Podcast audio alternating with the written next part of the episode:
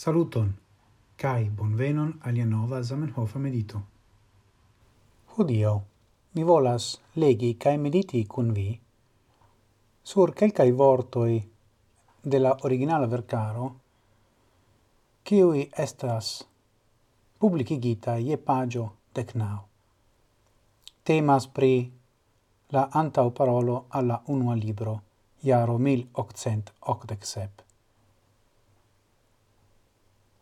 Antau ol mi transiros alla clarigo de tio, kiel mi solvis la supre dirita in problemoin, mi devas peti la leganton mediti iom pri la signifo de tiui ci problemoi, cae ne preni tro facile mia in rimedo in de solvo, sole nur tial char ili aperos alli eble kiel tro simplai mi petas tion ci tial, char mi scias la inclinon de la plimulto da homoi rigardi aferon con des pli da estimego, iu pligi estas complicita, amplexa cae malfacile digestebla.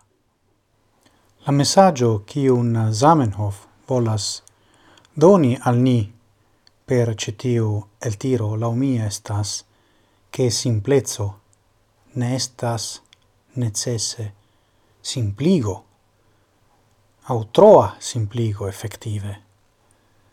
Do, calcfoie shainas al mi che homoi ancora hodiau shatas complici se necesse aferoin por doni al si tonon, ciune, por senti sin gravai cae educita e cotopo, sed verdire la plei efficai ideoi de la mondo povas esti clarigitai almeno en la intuizio, en la essenzo, ec al lerneiano, kiu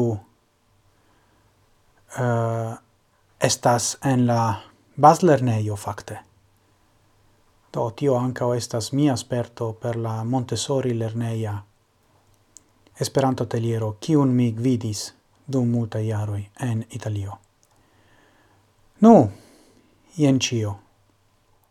Dankon pro via atento, gis morgau, cae ciel ciam, antauen, sen fine.